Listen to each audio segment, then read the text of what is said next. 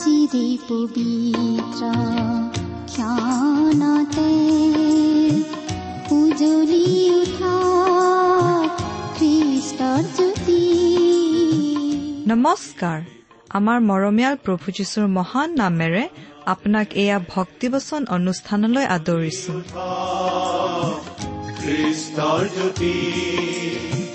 আকাশ কৰি গাঁও সবে মিলি প্ৰশংসা গীতি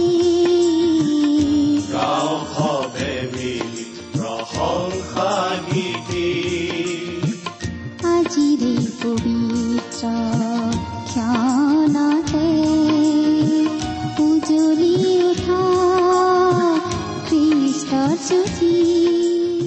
ঈশ্বৰে আপোনাক যি অসীম প্ৰেম কৰিলে তাক যদি অনুভৱ কৰিব বিচাৰে আৰু তেওঁৰ অগম্য বাক্যৰ মৌ মিঠা সোৱাদ ল'ব বিচাৰে তেন্তে আহক আজিৰ ভক্তিবচন অনুষ্ঠানটো মনোযোগেৰে শুনো।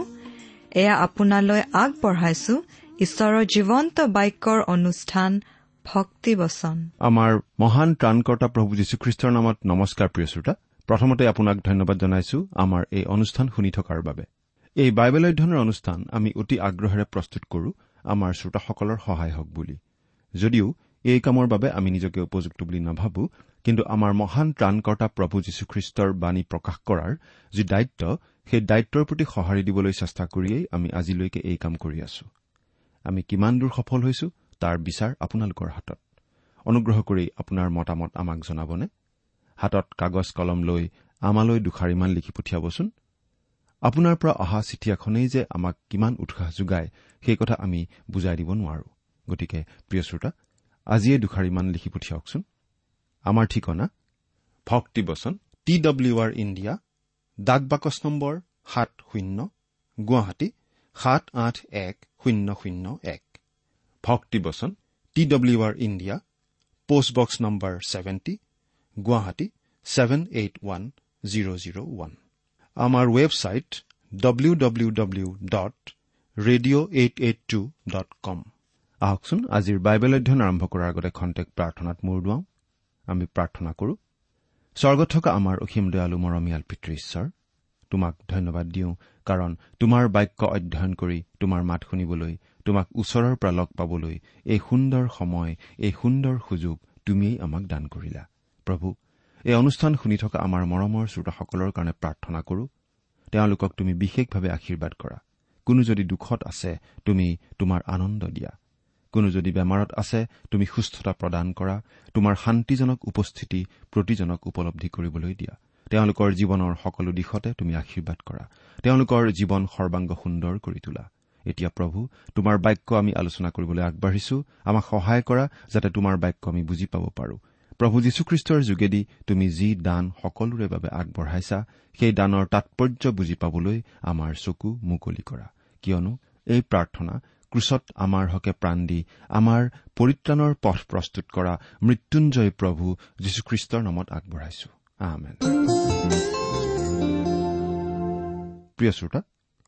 আপুনি বাৰু আমাৰ এই ভক্তিবচন অনুষ্ঠানটো নিয়মিতভাৱে শুনি আছেনে?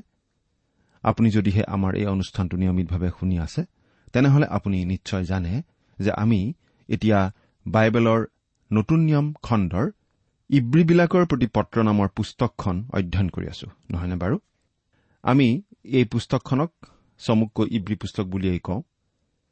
আপুনি আমাৰ যোৱা অনুষ্ঠানটো শুনিছিল নে আমি বাৰু কি আলোচনা কৰিছিলো আপোনাৰ মনত আছেনে? যোৱা অনুষ্ঠানত আমি এই ইব্ৰী পুস্তকখনৰ দহ নম্বৰ অধ্যায়ৰ দহ নম্বৰ পদলৈকে পঢ়ি আমাৰ আলোচনা আগবঢ়াইছিলো। নহয়নে বাৰু?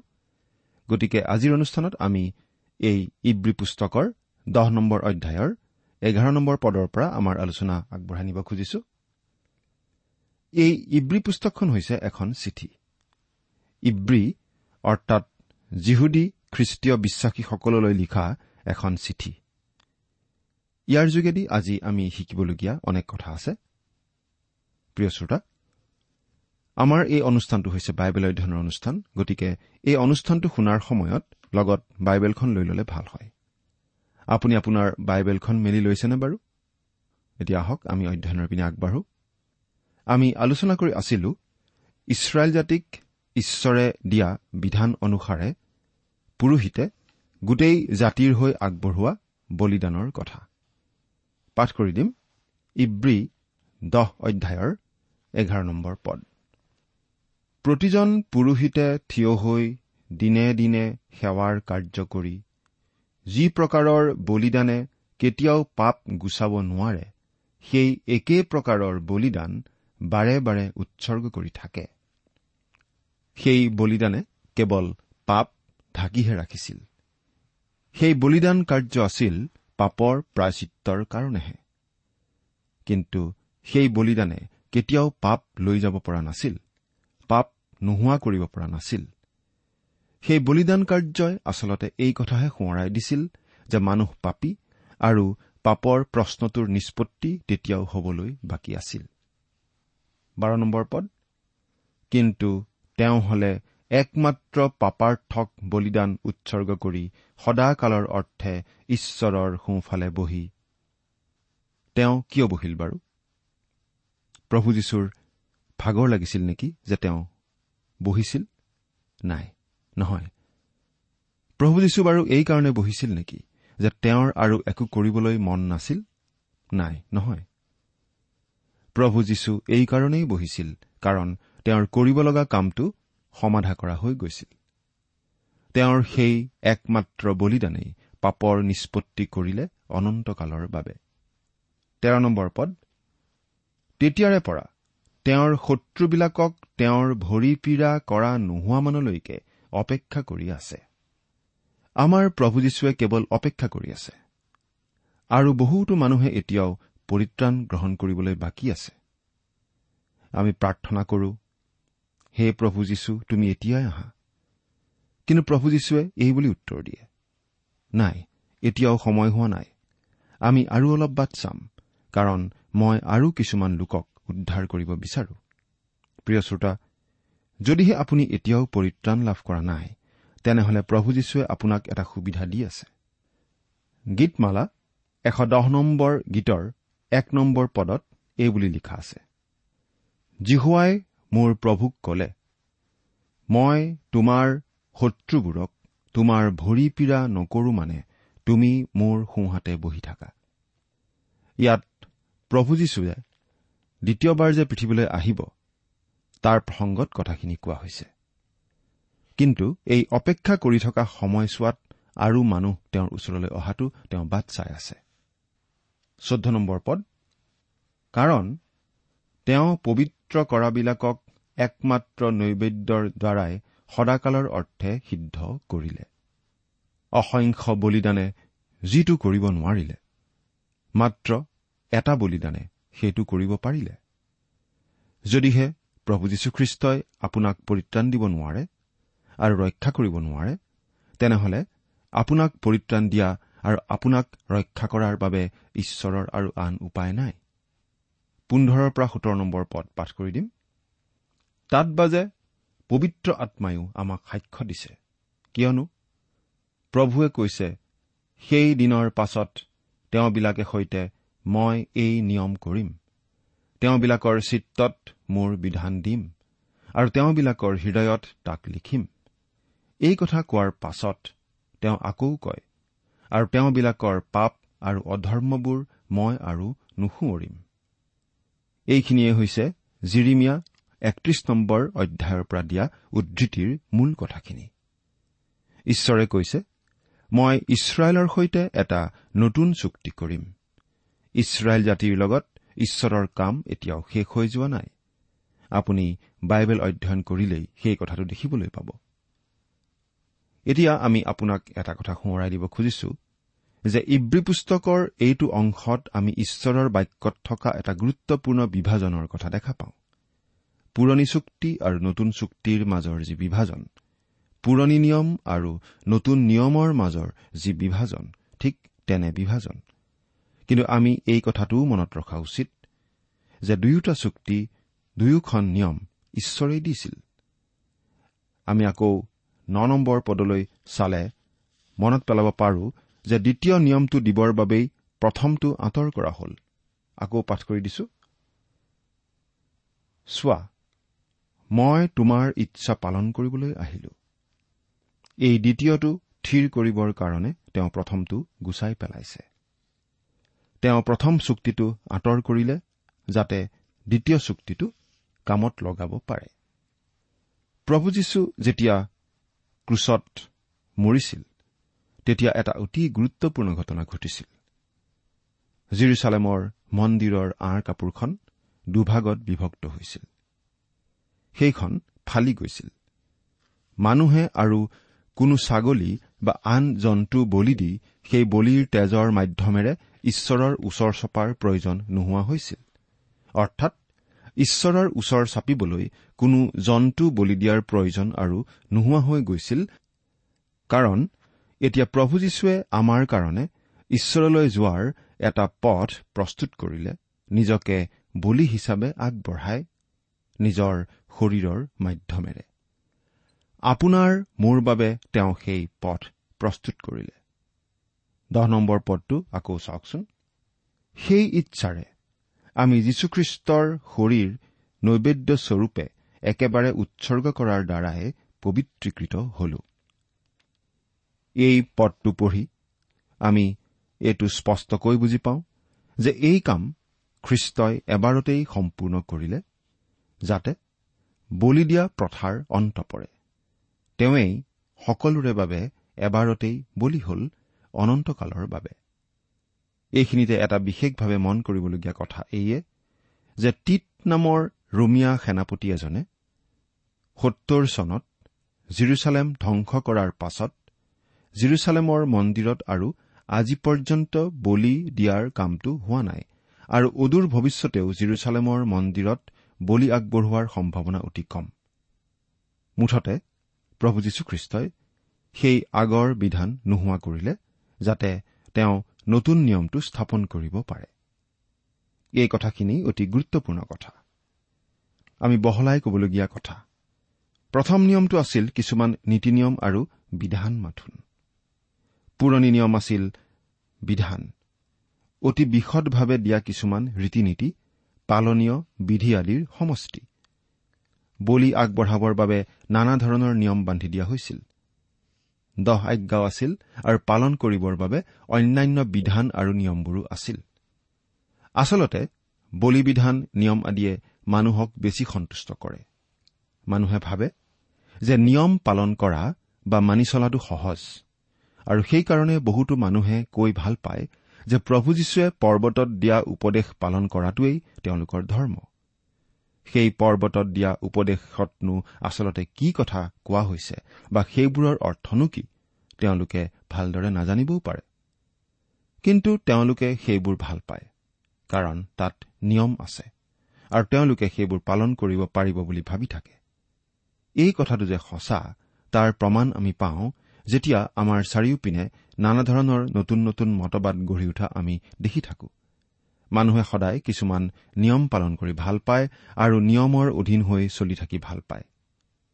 কিন্তু এতিয়া আমি নতুন নিয়মৰ অধীনত আচলতে সম্পূৰ্ণ বেলেগ এটা ব্যৱস্থাৰহে অধীন হৈ আছো। পাচনি পৌলে কৰিণ্ঠত থকা খ্ৰীষ্টীয় বিশ্বাসীসকলক এই বুলি কৈছিল তেওঁৱেই আমাক নতুন নিয়মৰ পৰিচাৰক হবৰ যোগ্য কৰিলে। আখৰৰ নহয় কিন্তু আত্মাৰহে।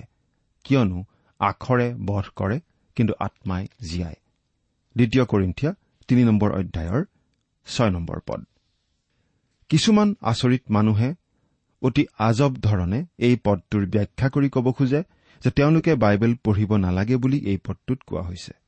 তেওঁলোকে ক'ব খোজে যে ইয়াত যি আখৰৰ কথা কোৱা হৈছে সেই আখৰ মানে বাইবেল আৰু পবিত্ৰ আত্মাইহে জীৱন দিয়ে। কিন্তু আচলতে পাচনি পৌলে সেই কথা বুজোৱা নাই।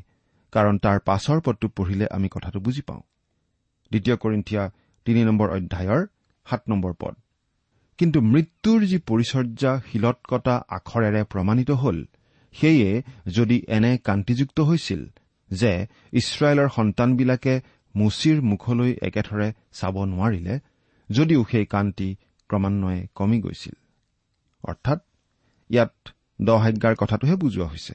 অৰ্থাৎ ইয়াত বাইবেল বুলি কোৱা নাই। দহাজ্ঞাৰ কথাহে কোৱা হৈছে। আখৰ অৰ্থাৎ দহ আজ্ঞা আছিল মৃত্যুৰ পৰিচৰ্যা এৰা প্ৰিয় শ্ৰোতা বিধানে মৃত্যুদণ্ড দিয়ে। বিধানে কেতিয়াও কাকো সাৰি যাবলৈ নিদিয়ে। বিধানে আপোনাক মৃত্যুলৈ লৈ যাব কাৰণ বিধানে আপোনাক ঈশ্বৰৰ সুধবিচাৰৰ অধীন কৰিব। কিন্তু পবিত্ৰ আত্মাইহে আমাক জীৱন দিয়ে। কাৰণ আজি আপুনি আৰু মই এনে এটা যুগত বাস কৰি আছো য'ত পবিত্ৰ আত্মাই আমাক আম্মিকভাৱে নতুন জন্ম দিয়ে। পবিত্ৰ আত্মাই আমাক নিৰ্দেশনা দিয়ে আৰু পবিত্ৰ আত্মাই আমাক ঈশ্বৰৰ ইচ্ছা কি সেইটো দেখুৱাই দিয়ে। ওঠৰ নম্বৰ পদ। বাৰু যি স্থলত এইবোৰৰ মোচন হ'ল এনে স্থলত পাপাৰ্থক নৈবেদ্য নাই আৰু। বলি দিয়া প্ৰথাটো আচলতে আৰম্ভ হৈছিল হেবলৰ যোগেদি। আৰু সেই প্ৰথাৰ সামৰণি পৰিছিল প্ৰভু যীশুখ্ৰীষ্টত তেওঁৰ ক্ৰুচীয় মৃত্যুৰ যোগেদি। এই পদটোৱেই তত্বমূলক খণ্ডটিৰ সামৰণিৰ পদ বুলি আমি ক'ব পাৰোঁ। এতিয়া আমি এই ইব্ৰী পুস্তকৰ উদগনিমূলক খণ্ডটো পাওঁ। এই অধ্যায়টোৰ ঊনৈশৰ পৰা পঁচিছ নম্বৰ পদলৈকে আমি পাওঁ ব্যৱহাৰিক বিষয় কিছুমান। আৰু এই খণ্ডটোত আমি পাওঁ বিশেষ অধিকাৰ বিশেষ সুবিধা আৰু বিশেষ দায়িত্ব বিষয়ক কথা। ঊনৈশ আৰু বিশ নম্বৰ পদ দুটা পঢ়ি দিম। এতেকে হে ভাইবিলাক যীশুৱে আঁৰ কাপোৰেদি অৰ্থাৎ তেওঁৰ মাংসেদি যি নতুন আৰু জীৱনময় পথ আমাৰ কাৰণে আৱিষ্কাৰ কৰিলে আমি সেই পথেদি যীশুৰ তেজৰ গুণে পবিত্ৰ স্থানত সোমাবলৈ হাঁহিয়াল হোৱাত হাঁহিয়াল হোৱা মানে ইয়াত কথা কোৱাৰ সাহসৰ কথা বুজোৱা হৈছে। কিন্তু ইয়াত কোনো উগ্ৰতাৰ ভাৱ প্ৰকাশ পোৱা নাই। ইয়াত এটা কথা ভালদৰে মন কৰা উচিত। আমি বাৰু অতি পবিত্ৰ স্থানত কেনেদৰে প্ৰৱেশ কৰো? অৰ্থাৎ আমি ঈশ্বৰৰ উপস্থিতিলৈ কেনেদৰে প্ৰৱেশ কৰিব পাৰো? খ্ৰীষ্টৰ তেজেৰে। খ্ৰীষ্টক যেতিয়া ক্ৰুচত বলি দিয়া হৈছিল তেতিয়া মন্দিৰৰ আঁৰ কাপোৰখন ফালি দূষিত হৈছিল। তাৰমানে ঈশ্বৰৰ উপস্থিতিলৈ যোৱাৰ বাটটো মুকলি হৈছিল। আঁৰ কাপোৰেদি অৰ্থাৎ তেওঁৰ মাংসেদি। মাংস বুজাবলৈ ইয়াত যিটো শব্দ ব্যৱহাৰ কৰা হৈছে সেই একেটা শব্দ জোহনে লিখা শুভবাৰ্তাৰ প্ৰথম অধ্যায়তো আমি পাইছিলো। সেই বাক্য মাংস হল। কিন্তু তাত পাচনি জোহনে সেই মাংস ঈশ্বৰলৈ যাবলৈ নতুন আৰু জীৱন্ত পথ বুলি কোৱা নাছিল কাৰণ প্ৰভু যীশুৰ মানৱ ৰূপ ধাৰণ অৰ্থাৎ প্ৰভু যীশুৰ জীৱনে আচলতে কাকো পৰিত্ৰাণ নিদিয়ে। আমি অতি পবিত্ৰ স্থানত প্ৰৱেশ কৰো যীশুৰ তেজেৰেহে। আমাৰ প্ৰৱেশাধিকাৰ প্ৰভু যীশুৰ মানৱ ৰূপ ধাৰণৰ যোগেদি নহয় কিন্তু আঁৰ কাপোৰখন দুফাল হৈ যোৱাৰ যোগেদিহে অৰ্থাৎ তেওঁৰ মৃত্যুৰ যোগেদি। আজি আমি ঈশ্বৰক পোনে পোনে উপাসনা কৰাৰ বিশেষ অধিকাৰ লাভ কৰিছো যীশুৰ জীৱনৰ যোগেদি নহয় কিন্তু তেওঁ আমাৰ বাবে ক্ৰুচত বৰণ কৰা মৃত্যুৰ যোগেদিহে। এই বিশেষ কথাটো আমি মনত ৰখা অতি প্ৰয়োজন। নতুন আৰু জীৱনময় পথ। নতুন শব্দটো আচলতে মূল গ্ৰীক শব্দ প্ৰস্ফাটোছ শব্দৰ অৰ্থ কৰা হৈছে। তাৰমানে নতুনকৈ বধ কৰা। অৰ্থাৎ এই কথাটো বুজোৱা হৈছে যে প্ৰভু যীশুখ্ৰীষ্টই তেওঁৰ ক্ৰুচীয় মৃত্যুৰ যোগেদি আপোনাৰ মোৰ বাবে ঈশ্বৰলৈ যাবলৈ এটা নতুন আৰু জীৱন্ত পথ মুকলি কৰিলে। গতিকে প্ৰিয় শ্ৰোতা পুৰণিদিনীয়া বলিদান কাৰ্যই আমাক আৰু সহায় কৰিব নোৱাৰে।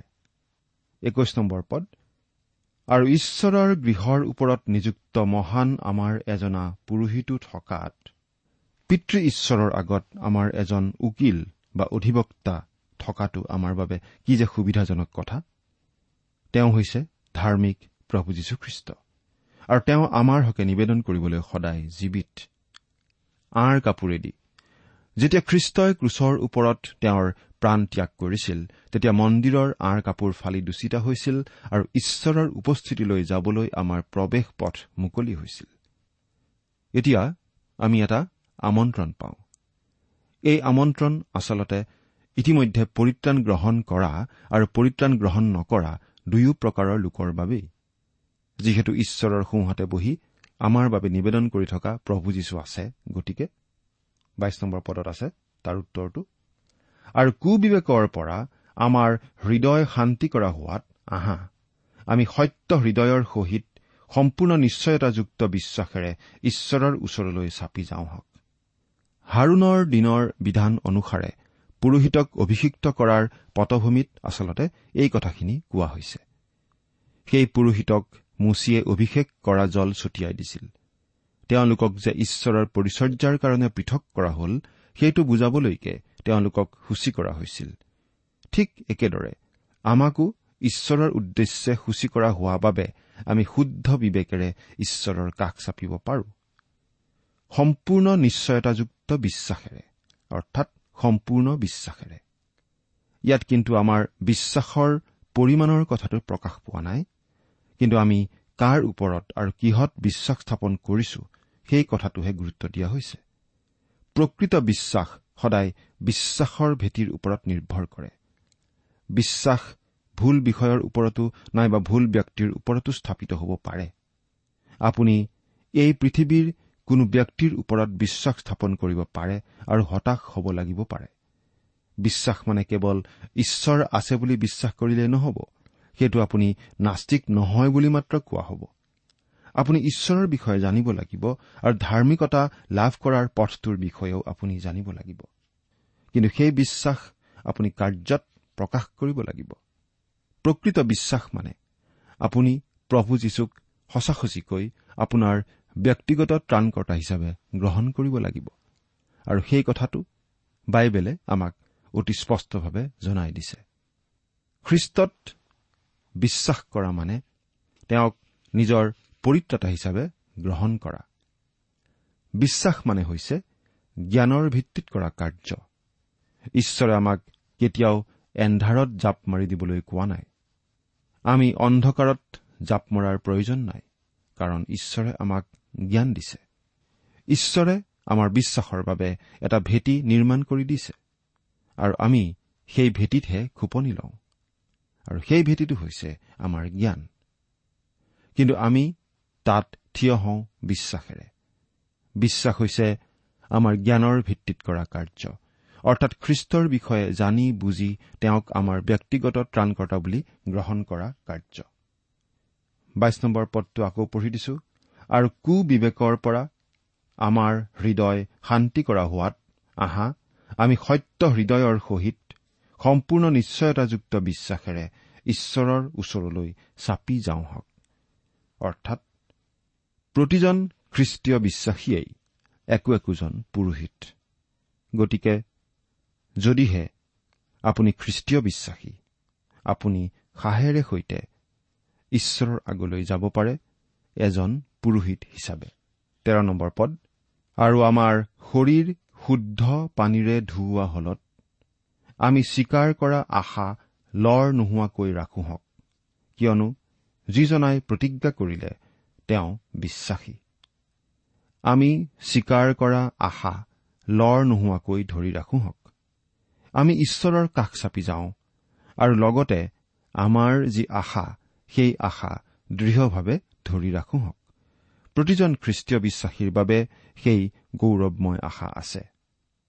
চৌব্বিছ নম্বৰ পদ আৰু প্ৰেমত আৰু সৎকৰ্মত উত্তেজিত হবলৈ আমি পৰস্পৰে মনোযোগ কৰোঁ হওক আমি পৰস্পৰক উত্তেজিত কৰোঁ হওক কিহৰ বাবে? প্ৰেম আৰু সৎকৰ্মৰ বাবে। বহু সময়ত আমাৰ কথাই কিছুমান খ্ৰীষ্টীয় বিশ্বাসীক আমনি দিয়ে। কিন্তু আমি আমনি কিয় দিওঁ? যাতে তেওঁলোকে পৰস্পৰে পৰস্পৰৰ প্ৰতি ভাল পোৱাৰ ভাৱ দেখুৱাই আৰু ঈশ্বৰৰ হকে কিবা ভাল কাম কৰে। পঁচিছ নম্বৰ পদটো পঢ়ি দিম। আৰু কোনো কোনোৰ দস্তুৰ মতে আমি গোট খাবলৈ নেৰি দিন যিমান ওচৰ হোৱা দেখা সিমান অধিককৈ পৰস্পৰে উদগাওঁ হওক। আচলতে আজি খ্ৰীষ্টীয় বিশ্বাসীসকলৰ কাৰণে এইটো অতি জৰুৰী কথা হৈ পৰিছে। পৰস্পৰৰ প্ৰতি বেয়া ভাৱ এৰি আমি খ্ৰীষ্টৰ চাৰিওপিনে প্ৰেমৰ মনোভাৱেৰে গোটহে খোৱা উচিত। পৰস্পৰে উদগাওঁ হওক। আমি এক গোট হৈ ঈশ্বৰৰ বাক্য অধ্যয়ন কৰা উচিত। ঈশ্বৰে কিছুমান বস্তু আমাক অকলে নিদিয়ে। আমি দলবদ্ধ হৈ থাকিলেহে দিয়ে। আচলতে আমি আনক যেতিয়া ঈশ্বৰৰ বাক্য শিকাওঁ তেতিয়া আচলতে নিজে সেই বাক্যৰ জ্ঞানত বৃদ্ধি পোৱা হয়। গতিকে আমি তিনিটা বিশেষ আহান পালো। বিশ্বাসেৰে ঈশ্বৰৰ কাষ চাপি যাওঁ হওক আমাৰ আশা দৃঢ়কৈ ধৰি ৰাখো হওক প্ৰেমেৰে গোট খাওঁ হওক। অৰ্থাৎ ইয়াতে আমি বিশ্বাস আশা আৰু প্ৰেম এই তিনিওটা অনুগ্ৰহৰ কথা পাই আহিছো। প্ৰিয় শ্ৰোতা আপুনি বাৰু এইদৰে খ্ৰীষ্টীয় জীৱন যাপন কৰি আছেনে? আপোনাৰ অন্তৰত আশা আছেনে? পৰস্পৰৰ মাজত প্ৰেমৰ ভাৱ ৰাখি আপুনি বাৰু চলিছেনে? চিন্তা কৰি চাওকচোন। ঈশ্বৰে আপোনাক আশীৰ্বাদ কৰক। আহমেন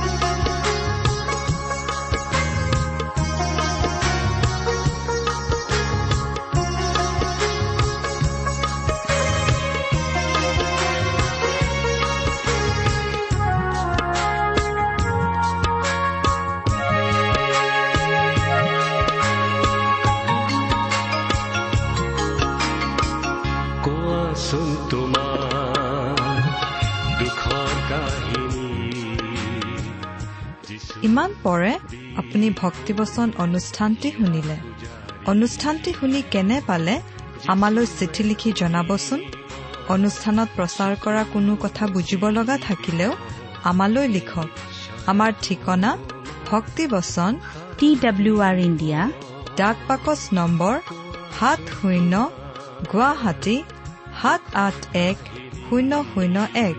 ঠিকনাটো আৰু এবাৰ কৈছো ভক্তিবচন টি ডাব্লিউ আৰ ইণ্ডিয়া ডাক বাকচ নম্বৰ সাত শূন্য গুৱাহাটী সাত আঠ এক শূন্য শূন্য এক। আপুনি ইমেইল যোগেৰেও আমাৰ সৈতে যোগাযোগ কৰিব পাৰে। আমাৰ ইমেইল আইডিটো হৈছে Assamese T TV at radio' eight eight two dot com. আইডিটো আকৌ এবাৰ কৈছো। Assamese T TV at radio' eight eight two dot com. আপুনি টেলিফোনৰ মাধ্যমেৰেও আমাক যোগাযোগ কৰিব পাৰে। আমাৰ টেলিফোন নম্বৰটো হৈছে শূন্য তিনি ছয় এক দুই ছয় শূন্য চাৰি ছয় সাত এক।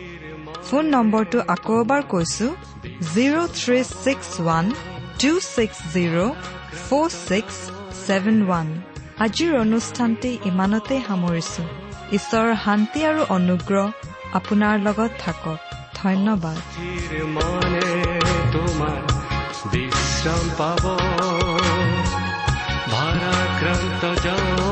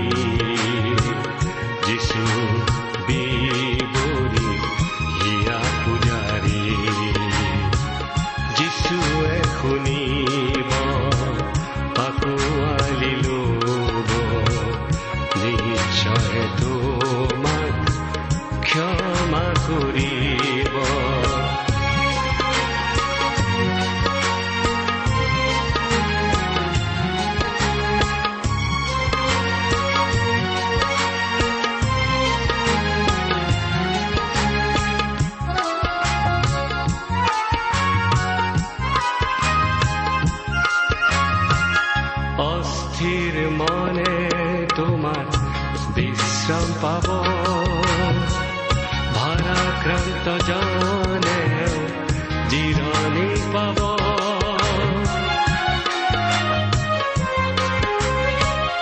অস্থিৰ মনে তোমাৰ বিশ্ৰাম পাব।